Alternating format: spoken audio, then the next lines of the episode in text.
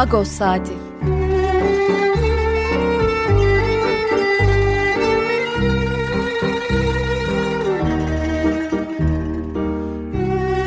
Haftalık Agos gazetesinin penceresinden Türkiye ve Dünya gündemi. Agos'un mutfağından haberler, söyleşiler, olaylar.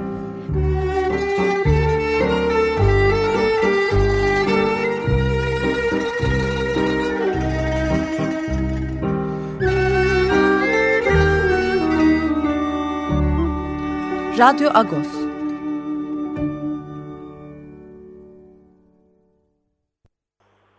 Radyo Agos'tan günaydın Parlıyız. Ben Yetver Tanzikyan.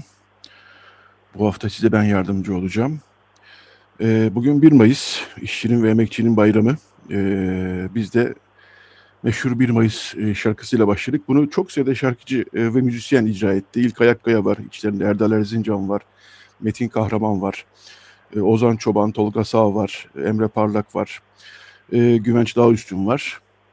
Onların bir e, kaydıydı e, bu şarkıyla. E, bu meşhur e, şarkıyla açtık. Evet bu e, hafta programımızda neler var? Birazdan e, Pakrates Dükkan'da haftalık e, çok sık yaptığımız olan e, sohbetimizi yani Türkiye'nin gündemini, Ermeni toplumunun gündemini konuşacağız. İkinci bölümde e, Sevan Değirmenciyan e, konuğumuz olacak. Onunla da e, 14 Nisan'ı geçen hafta biliyorsunuz. E, Ermeni soykırımından sonra bu topraklardaki Ermeni edebiyatı, Ermenice edebiyat nasıl bir kesintiye uğradı, daha sonra hangi topraklarda, nerelerde kendini toparlamaya çalıştı, onu konuşacağız. E, son bölümde saat 10'dan sonra e, Tuğçe Yılmaz, e, gazeteci, yazar, e, önemli bir e, çalışmaya imza attı. 1 Mayıs 1977 kayıtlarını Yakınlar Anlatıyor e, kitabı, e-kitap olarak yayınlandı bu kitap e, çok sayıda e, 1977 hayatını kaybedenlerin yakınlarıyla e, konuştu. Konuşmadıkları da var. Tuğçe Yılmaz'la bu çalışmasını konuşacağız. Hem de 1 Mayıs'ta 77'de ve daha sonraki 1 Mayıs'larda e, hayatını kaybedenleri de anacağız. E, Radyo, Radyo Agos'un e, akışı böyle e, kabaca. E, Agos'un manşetinde bu hafta e, şöyle çıktı. Yüzleşme yok, tehdit var manşetiyle çıktık. O da yine 24 Nisan ve sonrasında yaşananlara bir atıfla Biden'ın açıklaması sonrası yaşanan iklimi e, biraz e, tarif ettik. Biraz da e, Avrupa'yla, HDP milletvekili Avrupa'yla yönelik e, Ümit, Ümit Özdağ tarafından sosyal medyada e, getirilen e, tehdit vardı. Bu tehditle ilgili gerek Avrupa'yla gerekse ihade suç duyurusunda bulundular. Ancak bu konuda hala e, bir gelişme yok suç duyurusunun sonucu konusunda. E, manşetimizde bu vardı. Taner Akçam'la bir röportajımız var bu hafta Ağustos'ta. Arat Dink'in bir yazısı var yine 24 Nisan'a soykırıma dair. Edwin Minasyan Los Angeles'tan Biden'ın açıklaması sonrası neler olabileceğini e, yazdı. Dolayısıyla bu haftaki Agos her zamanki gibi dolu dolu diyoruz. Evet, e, Pakrates Türkgen hattımızda. Günaydın Pakrat abi. Günaydın, iyi bayramlar diliyorum Yatvat. Evet iyi bayramlar. Ee, 1 Mayıs'ı e, yine sıkıntılı aslında e, kutluyoruz. Niye sıkıntılı? Evet sokağa çıkma yasağı var. E, her cumartesi pazar yapılıyordu. E, daha uzun süreli bir e, kapanma e, ilan edildi e, hafta başında. E, bu e, tam kapanma e, Perşembe akşamı başladı ve bayram sonrasına kadar sürecek. E, fakat e, işçi kurulu sendikaların e, uyarıları var milyonlarca insan aslında muafiyet adı altında yine e, pandemi koşullarında çalışmak zorundalar e, deniyor e, haklı olarak. Ayrıca da e, 1 Mayıs'ın tabii e, kutlanamıyor oluşu da ayrı bir problem. E, zaten pandemi olmadığı zamanlarda da 1 Mayıs bir olağanüstü hal ilan ediliyor Türkiye'de ve son yıllarda bilhassa kutlamak, alanlarla kutlamak mümkün olamıyor ne yazık ki. E, Disk'in de bu konudaki açıklamasını hatırlatmış olalım. E, 1 Mayıs'ı evet dolayısıyla bugün e, kutluyoruz ama e, açıkçası alanlarla kutlamaktan çok uzağız. E, Diskin açıklaması.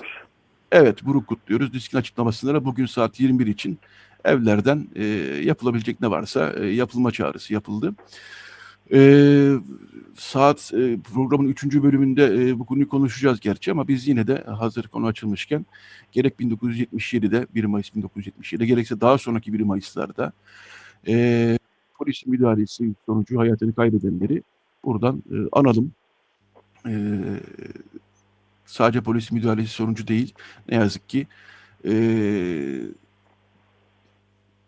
başka e, nasıl diyelim biz e, bilhassa 1977'de evet bir kontur gerilla e, şeyidir bu, operasyondur bu ama ne yazık ki bazı sol grupların arasında da ne yazık ki bazı şeyler oldu, çatışmalar oldu. Bunların da sonucunda ne yazık ki hayatını kaybeden insanlar oldu. E, tümünü buradan e, saygıyla anıyoruz. Evet Fakret abi senin e, 1 Mayıs ile ilgili ekleyeceğin bir şey var mı? E, 1 Mayıs'la ilgili tabii ki e, şimdi kontur gerilla e, dediğin için e, diyeceğim. O bazı sol gruplar arasında e, derken ima ettiği şeyi tahmin ediyorum. E, Tarlabaşı cihetindeki bazı mağulcu grupları kastediyorsun. Ama unutmamak lazım ki kontrgerillanın en kolay at koşturduğu alanlardan biri de zaten o gruplarda. O gruplarda çok provokatör ajanları vardı kontrgerillanın. En kolay çengel attıkları alanlardan biriydi o gruplar. Ve dolayısıyla e, onu da kontrgerilladan bağımsız düşünmemek lazım. O dönem ajan provokatörlerin cirit attığı bir dönemdi. Üniversitede de pek çoklardı bir sürü örgütün içine de sızmışlardı. Biz bunları en son gezi eylemlerinde bile gözlemledik, orada bile gördük. İnsanlar e, caddede yürüyorken birdenbire birisi gidiyordu, e, ATM cihazlarını tahrip etmeye girişiyordu. Kitle dönüp ne yapıyorsun dediğinde de usulca oradan sıvışıyordu. Hemen anlaşılıyordu ki o bir e, provokatördür, araya katılmış. Ee, ama o provokatörün bir adresi vardı tabii. Her neyse mevzularımız onlar değil. Biz bu sene kitlesi olarak 1 Mayıs'ı buruk kutluyoruz. Ee, buruk kutlamamızın iki noktası var. Birisi bir kere bugünün resmi bir tatil günü olduğunu da aklımızdan çıkarmıyoruz. Gerçi bugün cumartesi birçok iş kolu için zaten tatil günü. Ama bunun resmen tanınmış çalışılmayan bir gün, bir tatil günü olduğu gerçeğini de e, gözden kaçırıyoruz. Çünkü pandemi bütün diğer gerçekliklerin üzerine kendi ağır e, baskısını oluşturdu. O baskı içerisinde e, böyle şeyler kolayca gözden kaçabiliyor. E,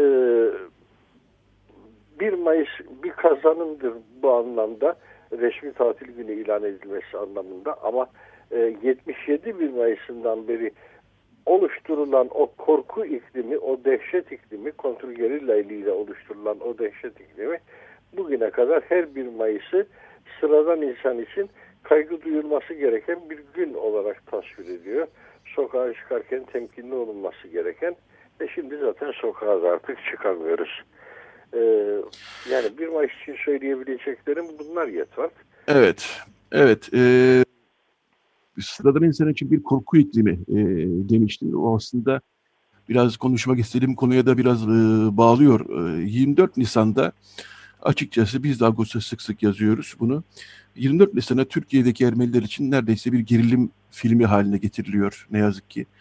Yıllardır, yıllardır, yıllardır ve Türkiye'li Ermeniler 24 Nisan'da kayıplarını yaz içinde e, anamıyorlar. E, tam tersine bir e, gerilim e, iklimi oluşturuluyor. E, bilhassa batıdan gelen açıklamalar e, nedeni vesilesi e, vesile edilerek ve e, acaba başımızda bir şey mi gelecek e, endişesi içinde 24 Nisan'ı geçiriyor Türkiye'li Ermeniler.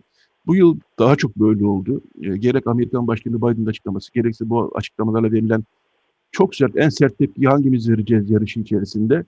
Hakikaten sıkıntılı bir e, birkaç gün geçirdik e, Türkiye'li Ermeni toplumu olarak. Evet yani e, gazeteciler, aktivistler, politikacılar e, söyleyeceklerini söylüyorlar ama e, ben e, şunu da önemsiyorum. Yani e, bir 24 1915'te e, akrabalarını kaybetmiş bir Türkiye'li Ermeni bunu bir yaz, bir huzur, e, sakince bir e, anma içerisinde e, günü olarak yaşayamıyor. E, yaşayamayacak gibi de bir süre için gözüküyor. Bu da aslında çok e, sıkıntılı bir durumu tarif ediyor. Bu da yetmezmiş gibi Karapoylar'a yönelik bir tehdit vardı. E, bu tehditle ilgili de suç duyurusunda bulunuldu ama bilmiyorum nasıl devam edecek bu süreç. Bununla ilgili neler söylersin Fakret abi? Ben biliyorum abi nasıl devam edeceğini. Olan Hı-hı. biten İsmet Özdağ ifade özgürlüğünü kullanmıştır diyeceklerdir. Ümit, Ümit Özdağ. Ümit Özdağ, evet. Evet, evet. İfade ee, özgürlüğüne girer bunlar diyeceklerdir. Biz bu hı. minvaldeki bir sürü e, benzerinin böyle yorumlandığına tanık olduk. Bugünkü e, hukuk sisteminin geldiği yer bize bunu ima ediyor, bunu düşündürüyor. En pratik açıklama budur. İfade özgürlüğüdür bu diyecekler. Adam küfür ediyor, şunu yapıyor, bunu yapıyor. Ne oluyor ya diyorsun. Hakaret etti bana yok diyorlar. O hakaret sayılmaz. O ifade özgürlüğüdür. Böyle. Evet. E, bu 24 Nisan'ı da e, böyle yaşamış olduk açıkçası. E, yine bir yüzleşme çabası çok cılız kaldı. Var yok değil. E, HDP yönelik çok sert tabii e, ne yazık ki e, reaksiyonlar oldu. HDP'nin e, açıklamasına yönelik reaksiyonlar oldu. E, ne diyelim vallahi artık e, hakikaten bunlar artık geride bırakmamız gereken e, bir atmosfer olduğunu ummak istiyoruz, düşünmek istiyoruz. Ama ne yazık ki olamıyor. Eee Ümit Özdağ'la ilgili şunu söyleyebilirim. Ümit Özdağ tehdidiyle ilgili e, tehdit maili e, tweetini attığı zaman e, binlerce insanın o tweet'i beğendiğini gördüm. Ama neyse ki Garopaylan'ın e, verdiği yanıtı da veyahut da ona verilen tepkilerinde neyse ki az olmadığını gördük. Bu ülkede biraz hani e, bu da bize bir nebze olsun e, umut veriyor işin doğrusu. Bu iş büyük oranda sosyal medyada oldu. E, öyle cereyan etti ve sosyal medyaya bakarak ölçüyoruz tabii bu da gerçek bir ölçüm sayılır mı sayılmaz mı bilemiyorum ama e, çok kolay çünkü bir tehdidi beğenmek de çok kolay. Ee, ama ona verilen tepkiler, o tehdide verilen tepkileri de buradan herhalde e, kıymetini vermek lazım diye düşünüyorum. Şüphesiz ki kıymetini vermek lazım ama e, bu arada bir e, mesele daha büyük kaygı verici özelliğiyle ortaya çıkıyor. O da memleketin fevkalade kutuplaşmış hali. Bu kutuplaşma nasıl bir e, sonlanmaya gidecek meselesi herkesin ortak kaygısı olmaya başladı. E, artık hiçbir şeyi kendi doğallığı içerisinde konuşamıyoruz. Doğal olmayacağına kanaat getirdiğimiz pek çok şey var. Yani e, birkaç yıl öncesine kadar yani mesela 10 yıl öncesine kadar Türkiye'de böyle bir anlayış yoktu ki seçim sonuçlarını kabul edecekler mi acaba? Ya seçim sonuçlarını kabul etmek ne demek? Seçim sonucu seçim sonucudur. Belirlenmiştir ve gitti. Ama bu o kadar manipüle edilen bir şey oldu ki e, şimdi böyle çok ciddi e, insanlar bunu e, ihtimal olarak düşünüyorlar. Seçim sonuçlarını belki de kabul etmezler istedikleri gibi çıkmazsa. E, peki ne yaparlar? E, yaz seçimin tekrarına giderler. Bugüne kadar bir sürü varyasyon yaşadık. Bunlardan birisi gene hayata geçirilebilir. Sadece bu kadarla kalsa o kadar büyük kaygı olmayacak. Sonuçta İstanbul Büyükşehir Belediye seçimi tekrara gitti ve sonuç çok daha başka bir yere evrildi. E, bu o kadar kaygı verici değil ama ya e, seçim tekrarının dışında bir alternatif düşünürlerse e, bu kaygı işte çok ciddi bir mesele. E, öyle ki hiçbir şeyin artık çözümünü e, doğal yollarla düşünememek haline geldik e, bu da ciddi kaygı verici. Yani toplumun böyle ortadan yarılmış gibi e, kutuplaşması e, her iki görüşünde çok fanatik savunucularının olabilmesi ayrı bir kaygı unsuru sanki. Evet, e, bu konu açılmışken şunu da söylemekten geçmeyelim, söylemeden geçmeyelim. E, bir içki yasa, e, fiili bir içki yasa uygulanıyor. E, bu kapanma dönemi içerisinde e, marketlerde içkiye satılmayacak, tekel bayiden içki satılmayacak diye bir nereden e, yazılı olmayan bir e, şifai bir şey çıktı, yasak çıktı. İnsanlar nerede bunun yazısı, nerede bunun genelgesi, nerede bunun kararnamesi diye soruyorlar. E, tam da bulunamıyor ve daha çok işte İçişleri Bakanı'nın veyahut da kaymakamların e, şifai sözleriyle bu uygulamaya konmuş gibi gözüküyor. Dün en son yine İçişleri Bakanı e, yasak dedi, e, satılmayacak dedi. Birçok kaymakam bununla ilgili önlemler aldı. E, gerçekten bu e, yani konu içkinin ötesinde e, bir şey iki durak arasından çıkmış ve hiçbir yasal dayanı olmayan bir uygulama e, açıkçası. E, bu da çok doğal olarak tepki yaratıyor. İnsanlar e, hakikaten içki stokladılar. E, çünkü yani evde oturan bir insanın e, içki içmesine kim engel olabilir? İster pandemi olsun, ister başka bir şey olsun. Ee, zaten meyhaneler kapatılmış, restoranlar kapatılmış, barlar, kafeler kapatılmış. İnsanlar evde oturup belki akşam bir tane iki tane bira içecek akşam. Ee, veyahut da Ramazan hangi saatte istiyorsun. Ee, işte biraz Ramazan öyle bir durum var açıkçası. Ramazan günüyle içki içmez milletimiz dedi adam. Ee, yani Yani açıkçası bunlar e, toplumu daha da geren e, adımlar oluyor. Toplumu daha da e, bunaltan adımlar oluyor. E, 1 Mayıs sabahıyla gündemlerimizden bir tanesi de bu e, açıkçası. Evet biz Şimdi istersen bu abi yasağına zaten bizim bir teşneliğimiz var.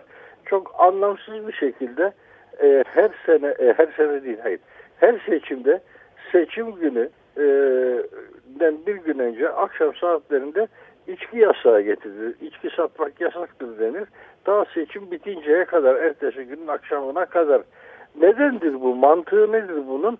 Muhtemelen e, olası bir olay çıkarma, bir vukuata sebebiyet verme, insanların e, kafaları çekip de ne bileyim e, arbede çıkarmasından çekilmektir. Böyle bir e, anlayış yani içkiyi tehlikeli bir şey, e, dikkat edilmesi gereken bir şey olarak gören bir zihniyet e, aslında hep olmuştu. E, bu yasak onun tipik örneklerinden biriydi. E, hatırlarsın her seçimde seçim gününün e, öncesi akşamı içki yasağı ilan edilir. Ta ertesi günün akşamına kadar. Hı hı, Bunun evet. mantığını çözmek mümkün değil. Muhtemelen işte dediğim gibi böyle bir kaygıdan kaynaklanıyor. Millet kafayı çeker sonra kontrolünü kaybeder falan gibi bir şey midir nedir? Ama e, şimdi artık yaşam tarzına müdahale anlamına gelen bir içki yasağıyla karşı karşıyayız. Bugünkü içki yasağının başka hiçbir açıklaması yok. Tam da e, Cumhurbaşkanı Erdoğan'ın 2002'de iktidara geldiği yıllarda en sık söylediği sözlerden biri. Kimsenin yaşam tarzına müdahale etmiyoruz. Kimsenin giyimine kuşamına karıştığımız yok dediğinin tersi bir duruma doğru gidiyoruz. Artık toplumu zapturapt altına alma e, anlamına gelebilecek bir sürü karar kolayca e, ifade edilebiliyor. Yasal bir dayanağı olup olmamasının hiçbir e, önemi yok. Hiçbir geçerliliği yok. Kimse böyle bir şey beklemiyor da zaten. Yasak dedilerse yasaktır, iş bitmiştir. Böyle bir iklime Evet. doğru geldik. Hani e, Evet. bu e, tek adam rejimine e, geçişin boyutlarını doğal olarak belki de halkımız ilk başta neye benzeyeceğini anlayamamıştı. E, sadece zannettiler ki Cumhurbaşkanı biraz daha fazla yetki istiyor. Ama işin aslı öyle değil. Biraz daha fazla yetkinin çok ötesinde bir şey var. Yani Evet, e, evet, akşam e, yattım, sabah kalktım. e, Merkez Bankası Başkanı görevden alındı. Akşam yattım, sabah kalktım. İstanbul Sözleşmesi'nden çıktık. Bu boyuta geldi iş. Dolayısıyla içki yasağını da böyle değerlendirmek lazım. Zaten içkiye karşı Evet. böyle bir e, tepki var. Yani e, İslami kesimde günahtır diyorlar.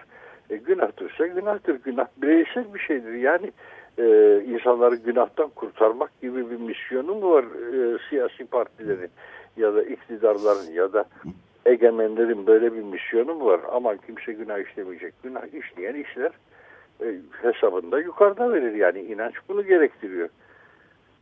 Yok biz herkesin Evet, günah e, engel olacağız. Dünyayı cennete çevireceğiz. Yok öyle bir dünya. Millet Ee, parasının peşinde bölüm 17 günlük kapatma yapmışsın neyle geçineceğini e, hesaplıyor. Sen diyorsun ki yok e, günah işlemene izin vermeyeceğim.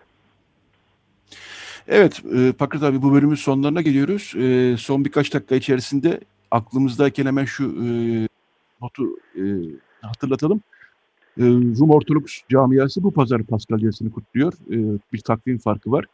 Dolayısıyla e, Rum Ortodoks dünyasının Paskalyasını bir kere e, kutlayalım aklımızdayken ve buradan Ermeni toplumuyla ilgili gelişmelere geçelim. İlginç gelişmeler oluyor çünkü.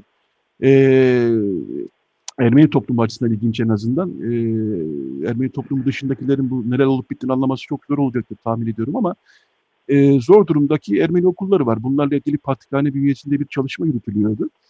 E, bu hafta Patrikhane'den e, bir açıklama yapıldı ve dendi ki yani varlıklı vakıflar da bu çalışmalara katılsınlar dendi. E, bu açıklamadan sonra biraz e, kıyamet koptu gibi. Çünkü Gedikule Surpırgiç Hastanesi Vakfı Başkanı Bedos Şirinoğlu E, Patrik Maşalyan'ı hedef alan e, bir uzun bir açıklama yaptı. E, Patrik Maşalyan e, Vakıflar Birliği'ne gönderdiği bir e, açıklamayı paylaştı. Ve bütün bu olup bitenler sonucunda e, gördük ki e, dün de e, Yedikule Surpırgiç Hastanesi Vakıf Başkanı Bedos Şirinoğlu e, ben seçim döneminde Ateşyan'a e, bazı tutumlar almıştım. Onun yüzden özür diliyorum. Ruhaniler de Ateşyan'ı dışlıyorlar diyerekten başkalarının rakip olan Ateşyan'dan özür diledi. Şöyle bir manzara ortaya çıktı. E, seçime giderken e, yani Fatih seçimine giderken Bedro Şirinoğlu Maşalyan'ın ilanındayken şimdi sanıyorum e, artık Maşalyan'ı bırakıp Ateşyan'la e, bak iyi bir tutum öyle anlaşılıyor en azından e, söylediklerinden. Ve Fatih Kari'yi Ateşyan'ı yalnız bırakmakta suçlama gibi bir e, tutum e, var. E, böyle enteresan gelişmeler oluyor açıkçası. E, bunları uzun uzun konuşmak için vaktimiz de kalmadı ama e, bu haftaki e, önümüzdeki haftası çıkacak olan Ağustos'ta bunları da detaylı biçimde geri vereceğiz ama e, şunu söyleyebiliriz ki herhalde e, yine Ermeni toplumunun uzaktan izlediği, e, çok da anlam veremediği bazı gelişmeler olduğunu söylemek mümkün ama burada sanıyorum olan yine zor durumdaki Ermeni okullarına, ekonomik açıdan zor durumda olan Ermeni okullarına olacak gibi. İşte umarız ki öyle olmaz. Öyle bir durum var gibi gözüküyor. Bilmiyorum ne dersin? E, doğrusun ve e, hakikaten de bu mesele artık o ona öyle dedi, bu buna böyle dediğinin çok ötesinde başka bir şey ima ediyor. Başka bir şeyin ifadesi oluyor bütün bu yaşadıklarımız. Bir yozlaşmanın, toplumsal bir yozlaşmanın. Aslında Ermeni toplumu e, son 15 yıllık bir zaman diliminde çok şiddetli bir değerler aşımına uğradı. Bu değerler aşımında da e, toplumun bir toplum olarak bir bütünsellik içerisinde e, tavır ortaya koyma yeteneği topyekun e, tahrip edildi. E, zannediyorum ki bunda e, ülkedeki politik iklimin de bir etkisi var. Hani e, nasıl ki Türkiye ölçeğinde konuşurken şahsım devleti ifadesini çok sık kullanma ihtiyacı duyuyor kimileri. E, biz de zannedersin ki aynı yapı içerisinde şahsım cemaatine indirgenme gibi bir e, tablonun içerisindeyiz. E, bu çok tehlikeli bir gidiş. Çok e, bunca yılın sivil toplum anlamındaki bütün birikimlerini silip süpüren bir gidişat. Alışık olmadığımız şeyler. Bugün e, eleştiriler var ki Ermeni toplumunun birçok bireyi Ermeni hastanesinin kapısından bile e, girmeye cüret edemiyor. E, bunların hepsi e, çok ciddi yozlaşmaların, o kurumların kuruluş mantığına bu denli yabancılaşmasının sonuçları ve insanların bunları değiştirebileceklerine ümitleri de olmadığı için e, hepten uzak durma gibi bir temayül içerisine, öyle bir eğilim içerisine giriyorlar. E, çok kaygı verici, toplumsal hayatımız açısından çok kaygı verici süreçleri yaşadığımızı düşünüyorum. Yoksa günübirlik o ona böyle dedi, bu buna böyle dedi. Vallahi hiç onun peşinde değilim. Kim ne dediyse dedi. Ama e, bütün bu toz bulutu içerisinde görünen şey, e, toz bulutu biraz dindiğinde görünen şey bizim toplumsal yaşamımızdaki büyük yozlaşma, büyük çürüme, büyük değer yitimi. Hı hı. Evet, bunu detaylı biçimde herhalde e, bu hafta Ağustos'ta işleyeceğiz. E, çok teşekkürler Pakrat abi. E, sağ olasın yayınımıza katıldın. 1 Mayıs'ta ederim, böylece, rica ederim. 1 Mayıs'ta da böylece seninle 1 Mayıs'ta böyle seninle kutlamış olduk. İyi bir hafta sonu diliyorum. Bir mukabele ben de öyle. Evet.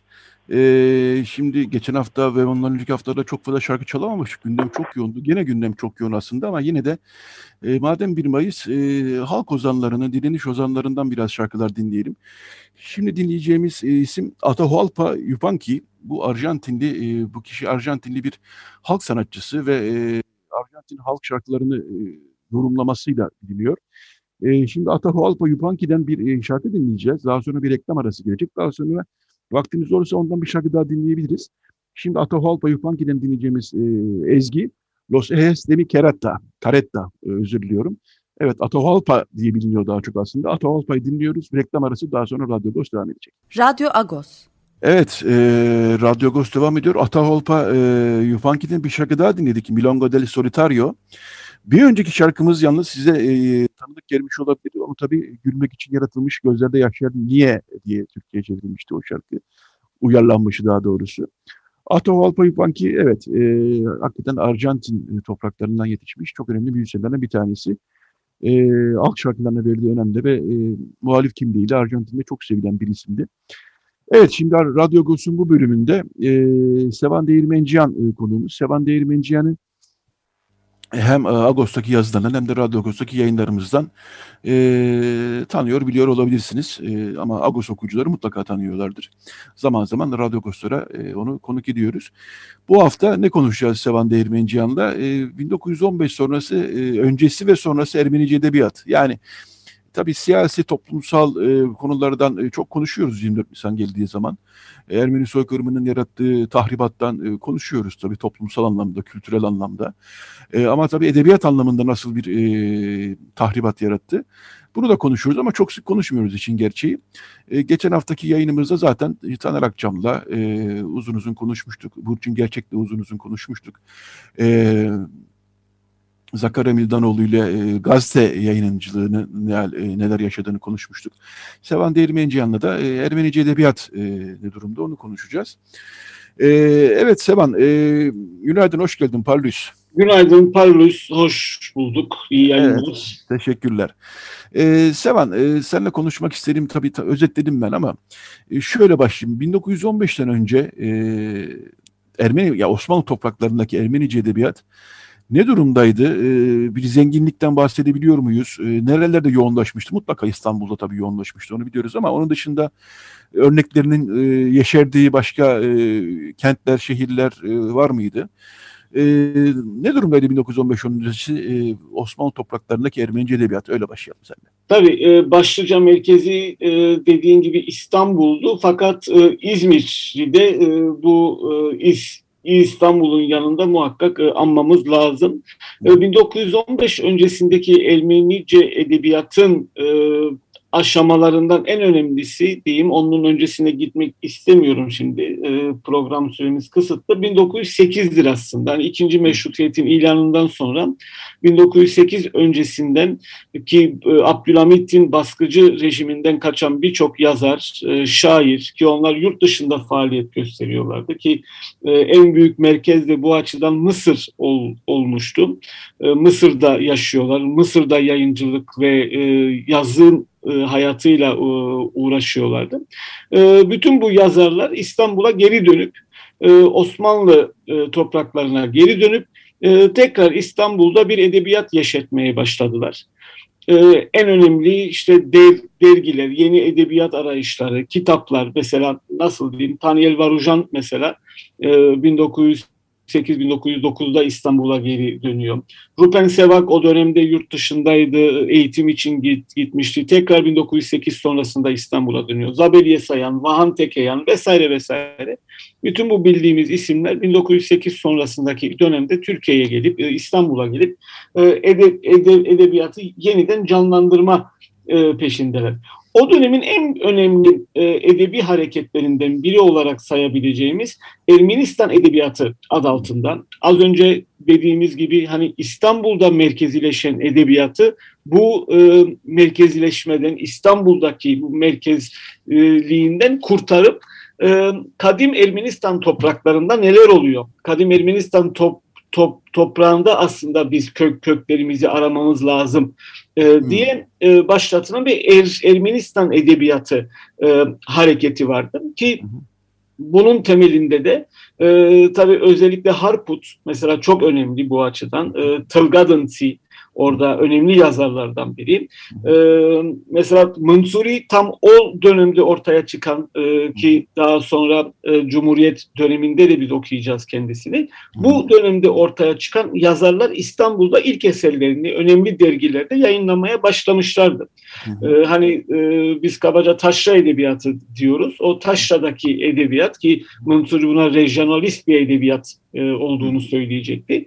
Bunların ilk örnekleri o dönemde zaten ortaya çıkmaya başlıyordu ki e, aynı zamanda Tanrı Varucan'ın öncülüğünü yaptığı neopagan bir edebi hareket, şiirde özellikle bir yenilik hı hı. getiriyordu. Tüm bunlar çok önemliydi. Fakat 1915 bu bütün bu çabaların, e, bütün bu arayışların, bütün bu e, yeniden doğuşun diyeyim önüne set çekti ve durdurdu aslında. Ve 1915'te bu 1915 öncesindeki bu hareketlerin içinde olan odak isimlerin hepsi de e, katledildiler. Evet bunlardan herhalde Tangel Varujan üzerine biraz durmamız lazım. E, Tangel Varujan'ın 1915'te öldürüldüğünü biliyoruz. E, büyük bir kayıp tabii. E, yani birçok bütün edebiyatçıların hepsi büyük bir kayıp evet. ama Tangel Varujan çok e, parlamış bir isimdi 1915 öncesinde ve e, onun edebiyat e, anlayışı da çok e, ilginç. İlginç derken yani e, sen de az önce bahsettin yani neopagan e, bir e, çizgi iz, e, izliyordu. Tanyel Varucan'ı biraz daha tanıtabilir miyiz dinleyicilerimize?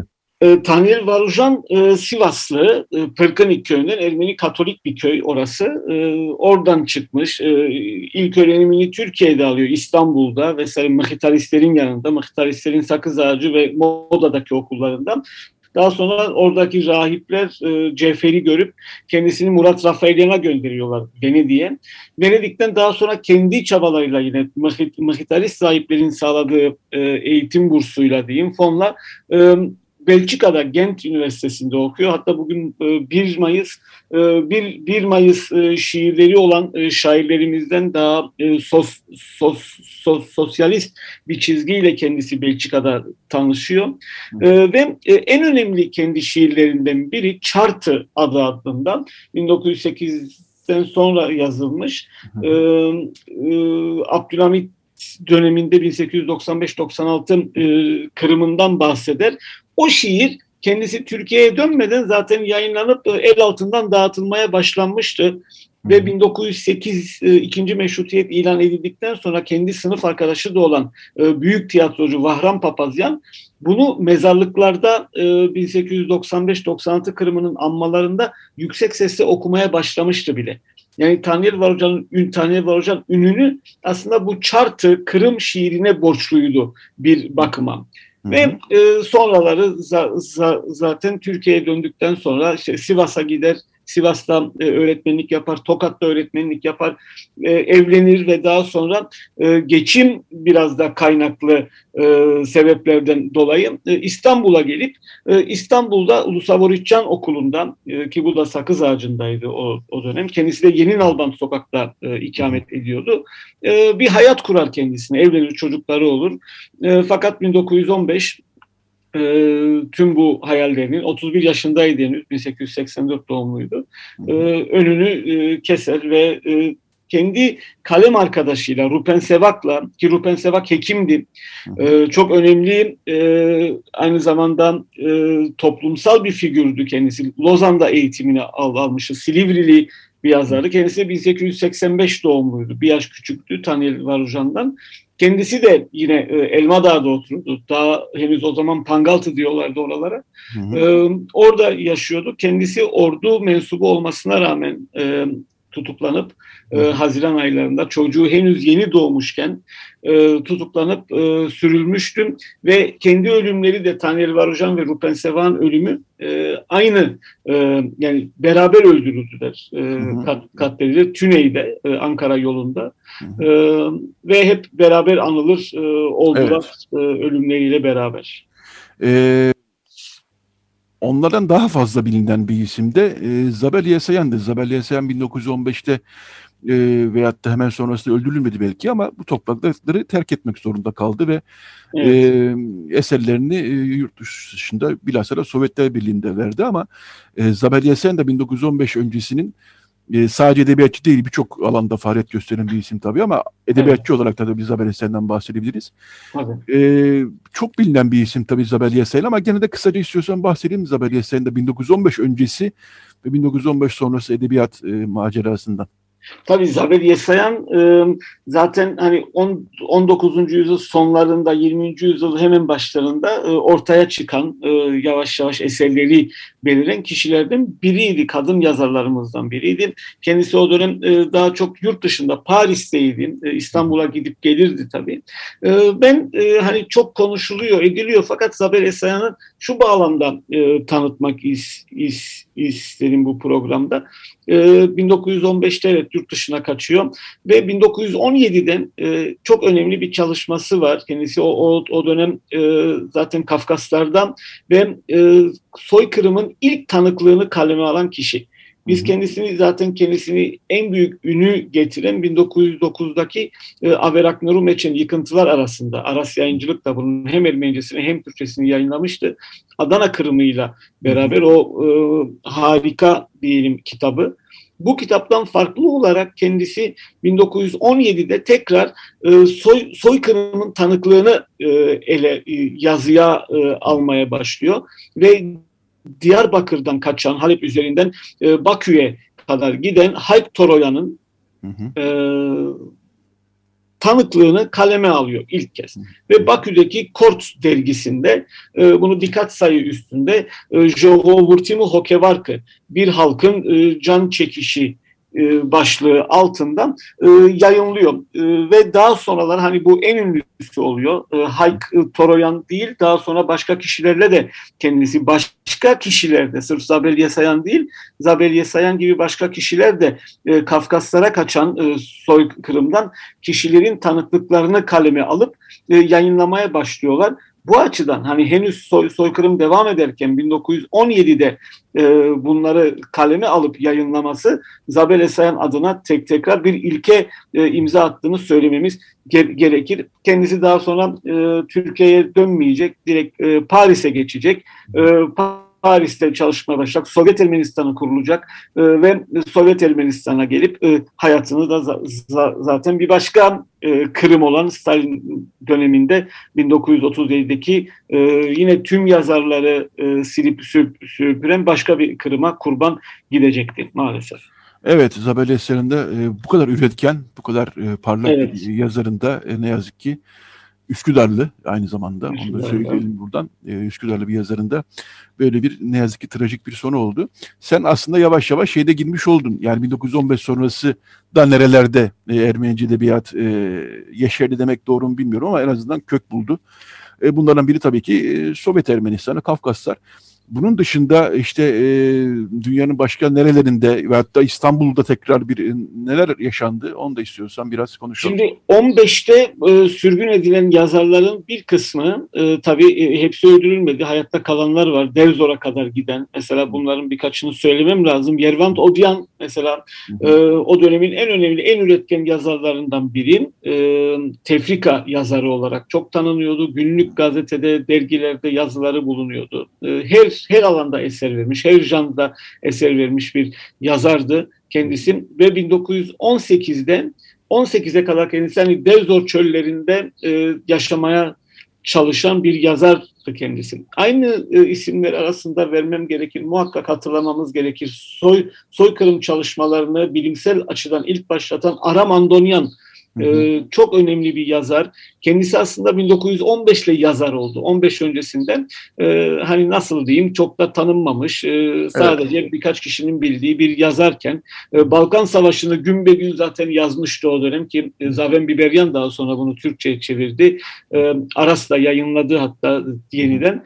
E, Aramandonyan, Teodik mesela o dönem salnameleriyle çok ünlü olan Teodik e, kendisi de sürülmüştü biraz daha geç bir dönemde ve kendisi de e, ta e, Derzor çöllerine kadar gitmişti. Ve bu isimler geri döndükten sonra e, en önemli tanıklıkları tekrar e, kendi tanıklıklarını hatta şunu da söyleyeyim bu çok bilinmez. Aram Andonyan e, kamp çadırları altında 1915'te Mez, Mezkene'de çöllerin üzerinde e, kaleme aldığı hikayeleri var.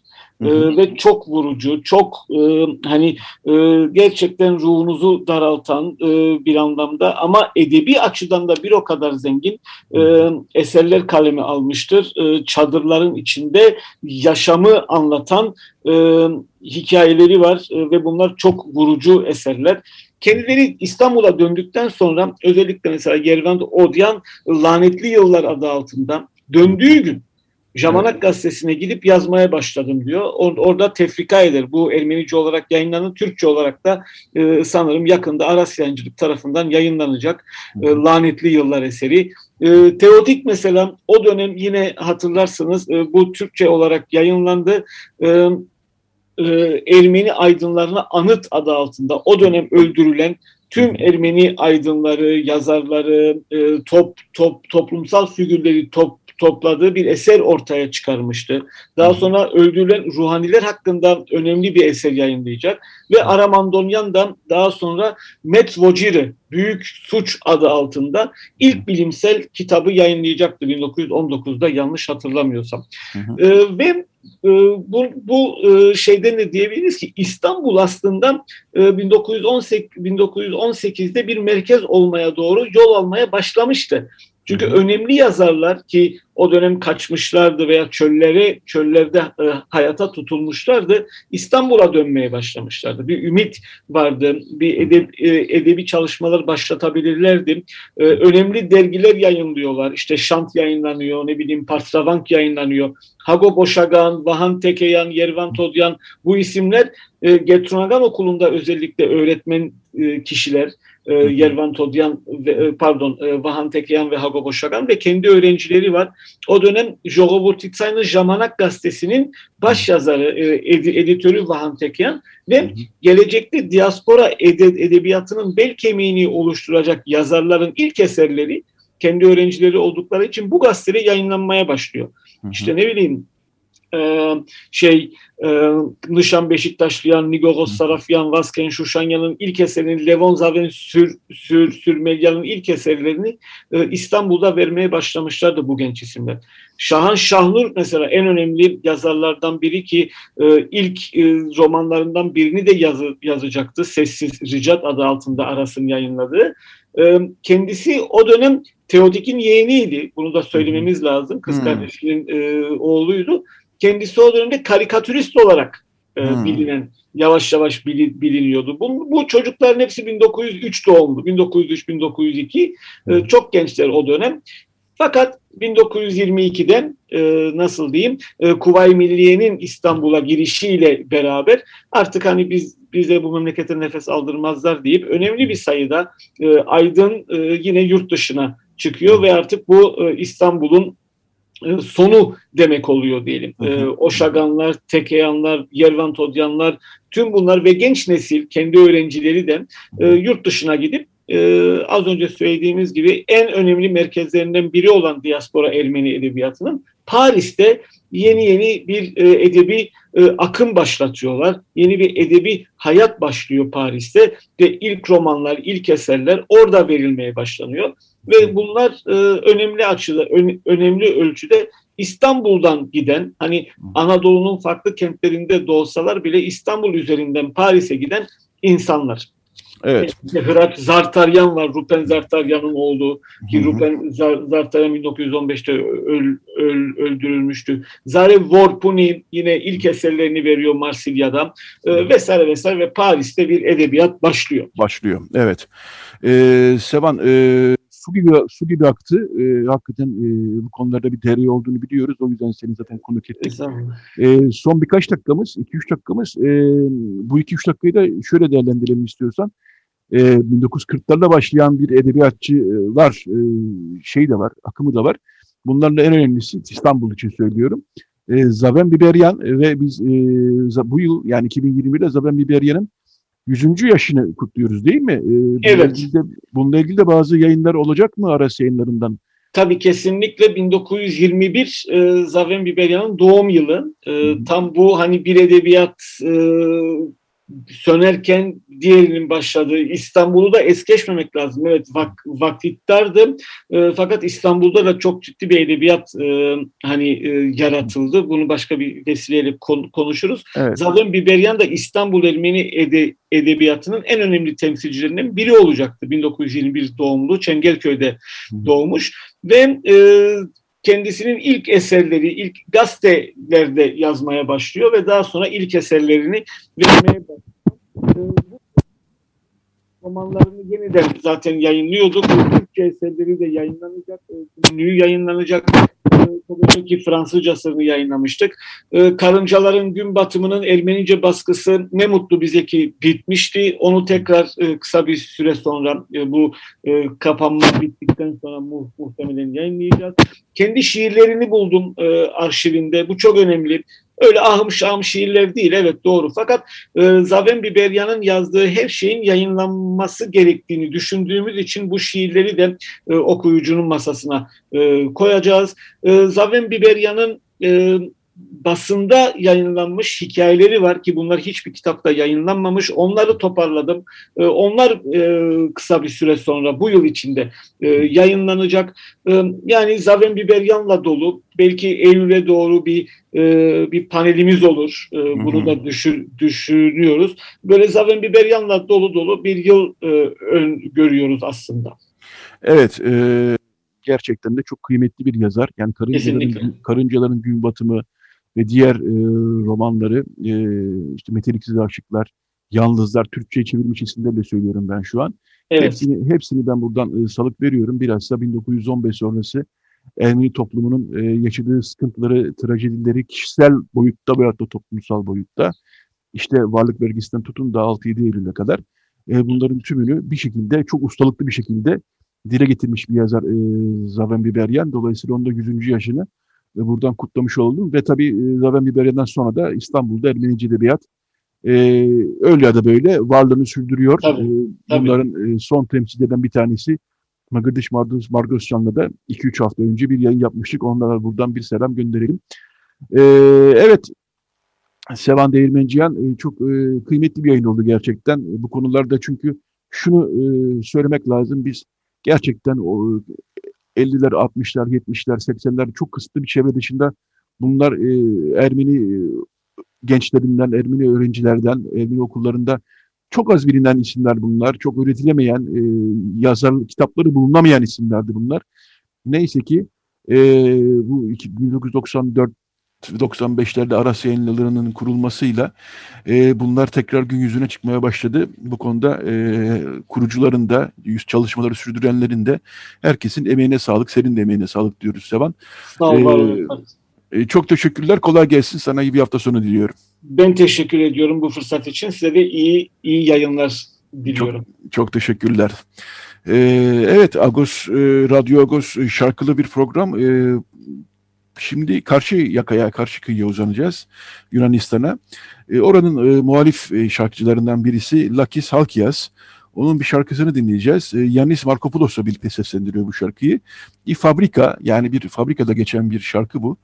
E, onu dinleyeceğiz. Daha sonra bir reklam aramız olacak. Daha sonra da Radyo Goş e, Tuğçe Yılmaz'la e, yani 1 Mayıs 1977 kayıplarını yakınlar anlatıyor kitabının e, yazarı Tuğçe Yılmaz'la e, konuşacağız. E, konumuz olacak. Evet şimdi Lakis Halkias ve Yanis Markopoulos'u dinliyoruz. İfabrika. Radyo Agos. Evet. Radyo Agos devam ediyor. Radyo Agos'un bu bölümünde e, Tuğçe Yılmaz konuğumuz 1 Mayıs 1977 kayıplarını yakından anlatıyor e, kitabının yazarı. Bu bir e-kitap. E, Biyanet çatısı altında yayınlandı. E, ne çaldık? E, çok bilinen bir şarkı aslında. Şişli Meydanı'nda Üç Kız Ruhuyusu Korosu seslendirdi. 1977'ye e, uzandık. E, günaydın Tuğçe Hanım, hoş geldiniz. Günaydın Yetvart Bey, merhabalar. Merhabalar. Evet, sizin bir e, e-kitabınız yayınlandı ama ben bunun e, için ne kadar uğraştığınızı da e, biliyorum. E, iki yıl, üç yıl belki uzunca bir süredir. E, 1977'de 1970 1 Mayıs 1977'de hayatını kaybedenlerin yakınlarına ulaşmaya çalıştınız. Onlarla konuştunuz ve dolayısıyla ortaya çok önemli bir çalışma çıktı. E, şöyle başlayalım. E, ne kadar zamandır çalışıyoruz? Ben çok kabaca bir şey söyledim, söyledim ama ve herhalde ve herhalde de pek kolay olmadı değil mi? E, Yetvart Bey geçen sene Mart ayında başladık aslında çalışmalara hı hı. ve çalışma 26 Ocak 2020'de Ocak ayının sonunda sona erdi. Hı hı. Ee, ilk görüşmeleri 1 Mayıs 2020'de yayınlamıştık zaten 3 görüşme olarak. Hı. Ve 6 Nisan'da da e-kitabını yayınladık. Ee, dün de bir tanıtım videosu yayınladık aslında çalışmayla ilgili ve genel olarak kitabın içeriğiyle ilgili. Videoda kayıp yakınlarının kendi seslerinden aktarımları da var. Yani aslında yaklaşık bir yıl süren bir çalışmanın nihayetinde kayıpların yakınlarına ulaşarak onların hikayelerinin yazılmasına katkı sunabildik diyebilirim. Hı hı. E, bu kitabın bir alt başlığı da var. Aslında bir cezasızlık e, örneği. E, hı hı. Bu aslında yani e, ölen insanların e, aslında e, öldürülmüş insanlar olarak düşünmek lazım herhalde bunu. Tabii. E, bir cezasızlık pratiğiyle karşı karşıya kalmaları da e, sanıyorum söz konusu. E, bir de böyle bir e, yönü var değil mi kitabın e, yanlış bilmiyorsam? Evet, kitabın ikinci bölümünü tamamen cezasızlık başlığına ayırdık. Çünkü aslında 1 Mayıs 77'de yaşananlar Avrupa Konseyi'nin yargısız infazlar, zorla kaybetmeler, yaşamı ve sağlığı riske atan ihmaller gibi sıraladığı başlıklarda e, yurttaşların devlet tarafından maruz bırakıldığı ağır ihlaller arasında yer alıyor. Sizin de bildiğiniz gibi Türkiye'nin imzacılarından olduğu belli başlı insan hakları sözleş insan hakları sözleşmelerinde e, maddeleştirilen adalet hakkı, hakikati bilme hakkı, e, yakınlarını kaybedenlere tazminat ödenmesi hakkı, bir daha tekrarlanmama garantisi gibi başlıklar da var aslında 1 Mayıs 77'de. E, bu yüzden kitabın ikinci bölümünü ve dolayısıyla çalışmanın da son kısmını cezasızlık konulu ayrı bir başlıkla ele aldık. Hı hı. Ee, yani bu kadar fazla insanın yakınlarının e, söylediği tek bir şey e, olmaz. Yani herkes farklı farklı açısından bakıyordur muhtemelen ama yine de bu kadar e, konuşmadan sonra e, sizin aklınıza kalan e, ne oldu? Bir umutsuzluk mu? Bir e, atlatılamayan bir travma mı? E, neler e, söylersiniz bu yakınların e, size anlattıklarından? E, nasıl bir e, siz şey çıkardınız? E, sonuç, sonuç demesem de bir e, tablo diyeyim veyahut da. Tabii yani umutsuzluk aslında şöyle şu anki politik atmosferden de kaynaklanan yani hepimizin içinde olduğu bir umutsuzluk veya karamsarlık diyebilirim. Öyle bir durum var. Ama asıl e, hissettiğim duygu şuydu. Ya adaletsizliğe uğramış ve ellerinden çok sevdikleri bir insan alınmış ve bunun öfkesini hani aslında doğru günde yaşayamamışlar. Çünkü yaşatmamış yetkililer diyeceğim artık hani yakınlar diyeceğim. Çünkü şöyle şeyler de oluyor. Küçük yerlerde yaşayıp işte İstanbul'a göç eden ya da o gün İstanbul'a 1 Mayıs için gelen insanlar var ve o küçük yerlerde bu insanlar artık mimlenmiş oluyor. Aileleri keza. Hı hı. Ee, genel olarak hissettiğim buydu ailelerden bana geçen ama hiçbiri yani aslında umutsuz değil. Sorumluların bir gün yargılanacağına dair inançlarını hala koruyorlar. Özellikle bir ailenin, bir oğlun babası kaybetmiş hayatını söylediği çok ilginçti. Yani benim bu devletten bir alacağım var. Ben o yüzden her sene 1 Mayıs'ta Taksim'e çıkıyorum. Her sene o işçilerle yan yana yürüyorum demişti. Hı hı hı. Ee, şu, şunu da sormak isterim. Ee, kitapta e, şu da var yani önemli bir iş yapmışsınız ve hayatını kaybedenlerin e, mesleklerine göre bir dağılım e, da yapmışsınız hı hı. ve orada e, en çok gözü çarpan şey aslında tam da 1980 öncesindeki sol hareketin e, işçilerle beraber mi değil mi, e, işçiler bu işin içinde miydi değil miydi tartışmalarına bir şekilde bir e, ışık tutacak da bir şey var. Çünkü ne yazık ki e, en çok hayatını kaybedenler işçi. Yani işte. avukatlar var, öğretmenler var ama e, 16 işçi e, var en çok e, hayatını kaybedenler arasında. E, dolayısıyla aslında e, hayatını kaybedenlerin çoğunun işçi olduğunu gördüğümüz zaman aslında oradakilerin çoğunun da işçi olduğunu düşünmek mümkün mü acaba? Yetvart Bey evet biz TÜSTAV aracılığıyla ulaştığımız otopsi raporlarına göre o gün Taksim'de hayatını kaybeden insan sayısı 34 ve biz de bu sayı üzerinden ilerlemeye çalıştık. Çünkü iddianamede yer alan ölü sayısı da yani o gün Taksim'de öldürülen insan sayısı da 34'tü. Bunların dediğiniz gibi mesleklerini e, nereden İstanbul'a geldiklerini, nereli olduklarını ve yaşlarını öğrenmeye çalıştık. Şöyle verilere ulaştık. Ölenlerden 8'i kadın, 25'i erkek ve dediğiniz gibi 16'sı işçi, 6'sı TÖBDER'li öğretmen, 7'si öğrenci, 3'ü sağlık çalışanı, biri ise polis memuru. Ee, ölenlerin birinin ismi sadece yazmıyor. Orada kimliği belirsiz 35 yaşlarında ve erkek cesedi olarak geçiyor. Hı hı. Ee, şunu da biliyorum, e, bazı e, kayıp yakınlarına da e, ya ulaşamadınız ya da ulaştığınız zaman konuşmak istemediler. E, orada nasıl bir süreç yaşadınız? Yani konuşmak istemeyenler e, hangi duygularla e, konuşmak istemediler? E, biraz ee, aslında buna korku demeyi çok sevmiyorum yani bir şekilde konuşmak istemediler. Bazıları bu konunun onun için çok travmatik olduğunu ve bunu tekrar yaşamak istemediğini hani çünkü birine aktarım sağaltıcı olabileceği kadar bunca yıl hiç kimseye konuşmamışlar örneğin bu çok çarpıcı bir detay. Bazıları benimle konuştuğunda çok rahatladığını buna onun çok iyi geldiğini söyledi ama bazıları da dediğiniz gibi ulaştığımda ben bu konuyla ilgili konuşmak istemiyorum. Hani bu benim için çok travmatikti ve tekrarlamak istemiyorum gibi bir geri dönüş aldım aslında. Burada da zaten hani ısrarcı olunacak veya ekstra bir şey söylenecek bir durum yoktu maalesef. Hı hı. Ee, şunu da biliyoruz. E, hayatını kaybedenler arasında 1 Mayıs'ta e, Ermeniler e, ve Rumlar da vardı. Bunlardan birisi e, Diran Nigiz'in yani bütün kayıplar tabii çok önemli ama Diran Nigiz'i ulaşma hikayeniz de e, ilginç olmuş. Delikli bir e, Ermeni çünkü hatta ilk başta kadın sanılmış galiba öyle mi? E, evet Yetvart Bey. E, tanıkların anlatımına ve otopsi raporlarına göre yine Diran Bey ile ilgili bilgilere ulaştık. E, Diran Bey ekseriyetle 1 Mayıs yani bugüne kadar 1 Mayıs 70 7'de ölen kadınlar arasında yer alıyordu. Sanırım isminden dolayı hani insanlar diren gibi düşünmüş olabilirler. Hı. Aslında bir erkek de dediğiniz gibi Türkiye'li bir Ermeni Mardin Derikli. Ee, Derik Belediye Başkanı Ayşe Karadağ vasıtasıyla Diren Negiz'in bir akrabası Antranik Bey'e ulaştık. Bu, hikaye, bu sayede hikayesini yazabildik. 1970'lerin ee, başında İstanbul'a çalışmaya gelen bir işçi direnli zaten. 77'de de 1 Mayıs'a gidiyor hani bu bizim bayramımız deyip hı hı. ve orada hayatını kaybediyor. Yine dediğiniz gibi Türkiye'li bir Rum var. Alexandros Konteas. Ee, onunla ilgili sadece Eminönü nüfusuna kayıtlı olduğu bilgisine ulaşabildim aslında. 1920 doğumlu o zaman 50 yaşın 57 yaşındayken hayatını kaybediyor. Ee, bir de mezarının nerede olduğunu biliyorum şu an. Ee, bir Ermeni daha var sanıyorum. Onun e, hiç ulaşamadınız yakınlarında yanlış bilmiyorsam. İstiyorsanız onu da buradan bir e, zikredelim. Belki yani, radyo yayını dinleyen birisi duyar ve Aa, evet ben e, tanıyorum filan der. E, Yetvar Bey aslında onun Ermeni e, olduğunu teyitleyemedik. Öyle hmm. bir durum var.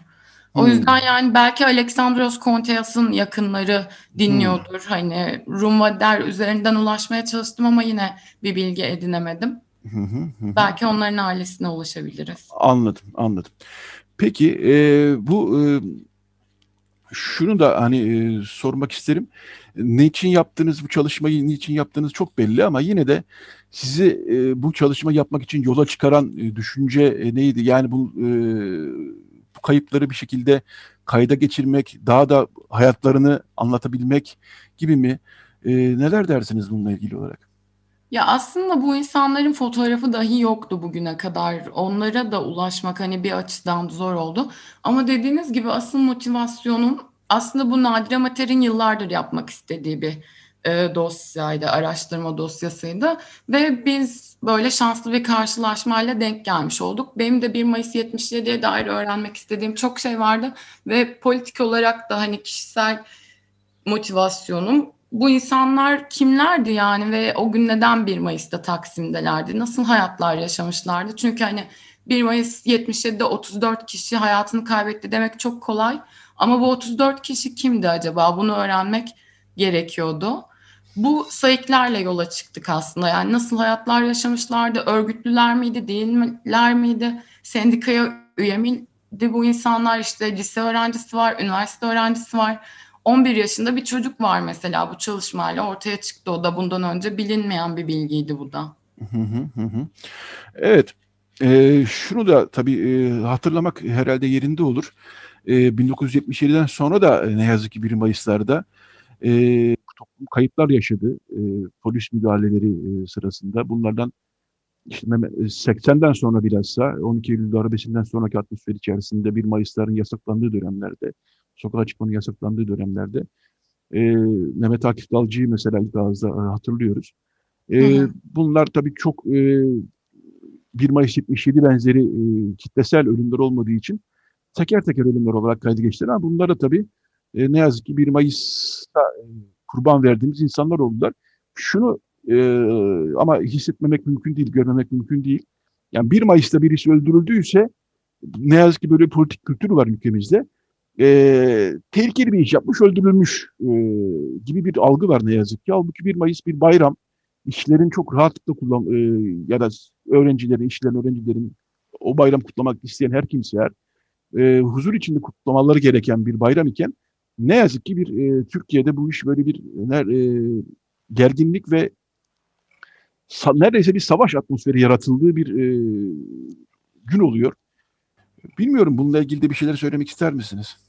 Ya tabii aslında e, söylediğiniz gibi orada ölenlerin çoğu işçi ama şöyle bir motivasyonla gidiyorlar. Diren Bey'in motivasyonuyla aslında. Bu bizim bayramımız ve hani eziliyoruz, sömürülüyoruz. Biz bayram kutlayacağız. Zaten büyük bir bayram havası, atmosferi de hakim. Örgütlü olmak ve sendikalı olmak aslında kriminalize edilmiş dediğiniz gibi ama burada gerçekten insanların motivasyonları hani orada bir bayramı kutlamak çocuklarıyla gidiyorlar mesela hani Töbderli Hikmet Özkürkçü var iki çocuğunu da götürmüş birlikte ama maalesef işte e, kurşunla öldürülüyor.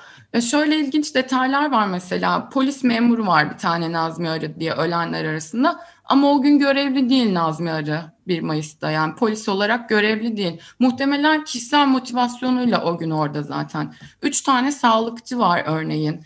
E, yedi tane öğrenci var yani bunlar zaten okulda da örgütlü olanlar var ama tamamen hani ben buna gideceğim deyip de gidenler var.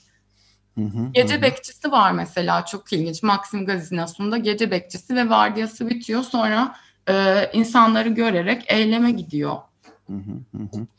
Evet, e, gerçekten e, bir bayram olarak e, gönül rahatlığıyla kutlamamızın bizden esirgendiği ne yazık ki bir e, gün oldu 1 Mayıs. E, 2010'larda e, iki sene yanlış bilmiyorsam iki, iki sene arka arkaya ya da üç sene arka arkaya Taksim Meydanı'nda kutlandı ama daha sonra Taksim Yasaklar başladı. Hemen hemen yasaklar başladı. Zaten e, peşine de gezi direnişi gelince e, iktidarın istediği bir e, koz neredeyse e, ellerine geçirilmiş oldu ve e, tam da zaten o zamanlarda Taksim Meydanı'nı bir depolitize etme e, çalışmaları başlamıştı. Yani oraya tekrar bir kışla kon e, yapma, e, bağlantılı olarak İstiklal Caddesi'ni bir tür e, kendi politik kimliğinden ve kendi kültürel, tarihsel kimliğinden çıkarıp başka bir hale sokma.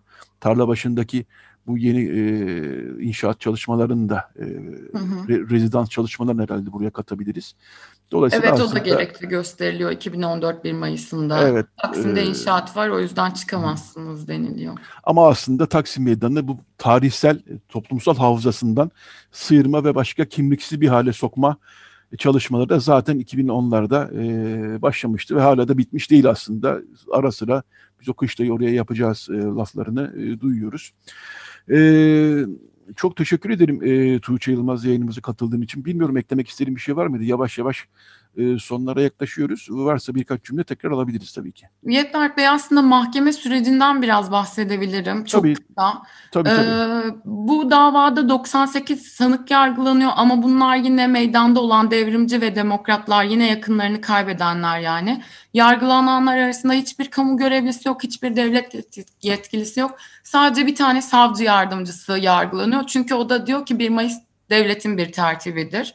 Ee, zaten davacı olan kamu hukuku davada mağdur olarak kendilerini kayda geçirenler de Beyoğlu Kaymakamlığı, İstanbul Emniyet Müdürlüğü gibi birimler.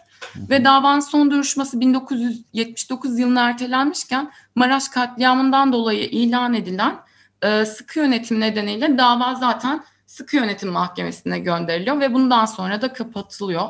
E, dava şu an zaman aşımına uğramış durumda ne yazık ki. Ancak hani bizim de bildiğimiz ve uluslararası belgelerin de söylediği gibi ağır ihlallerde zaman aşımı olmuyor.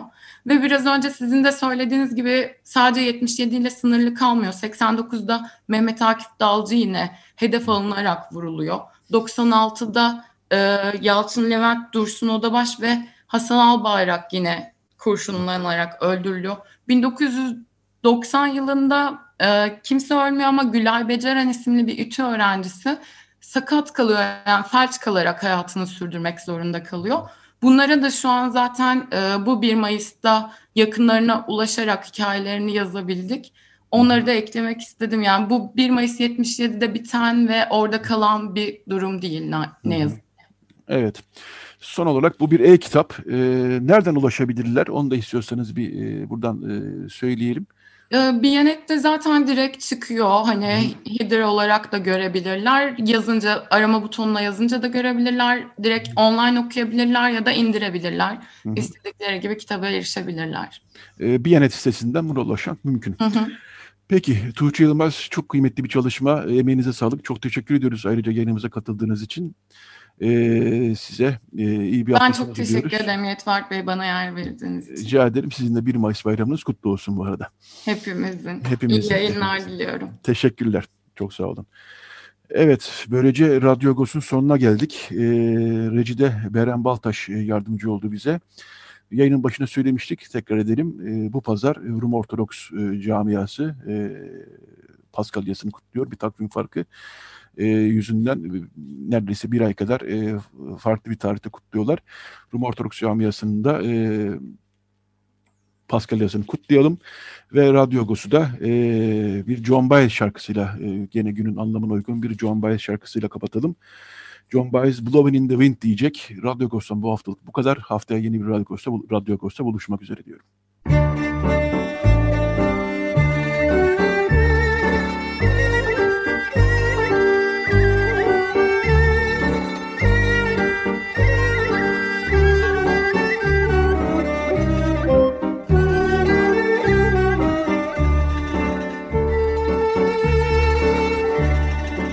Agos Saati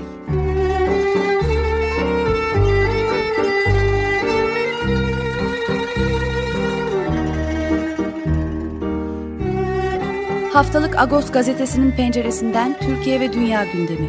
Agos'un mutfağından haberler, söyleşiler, olaylar.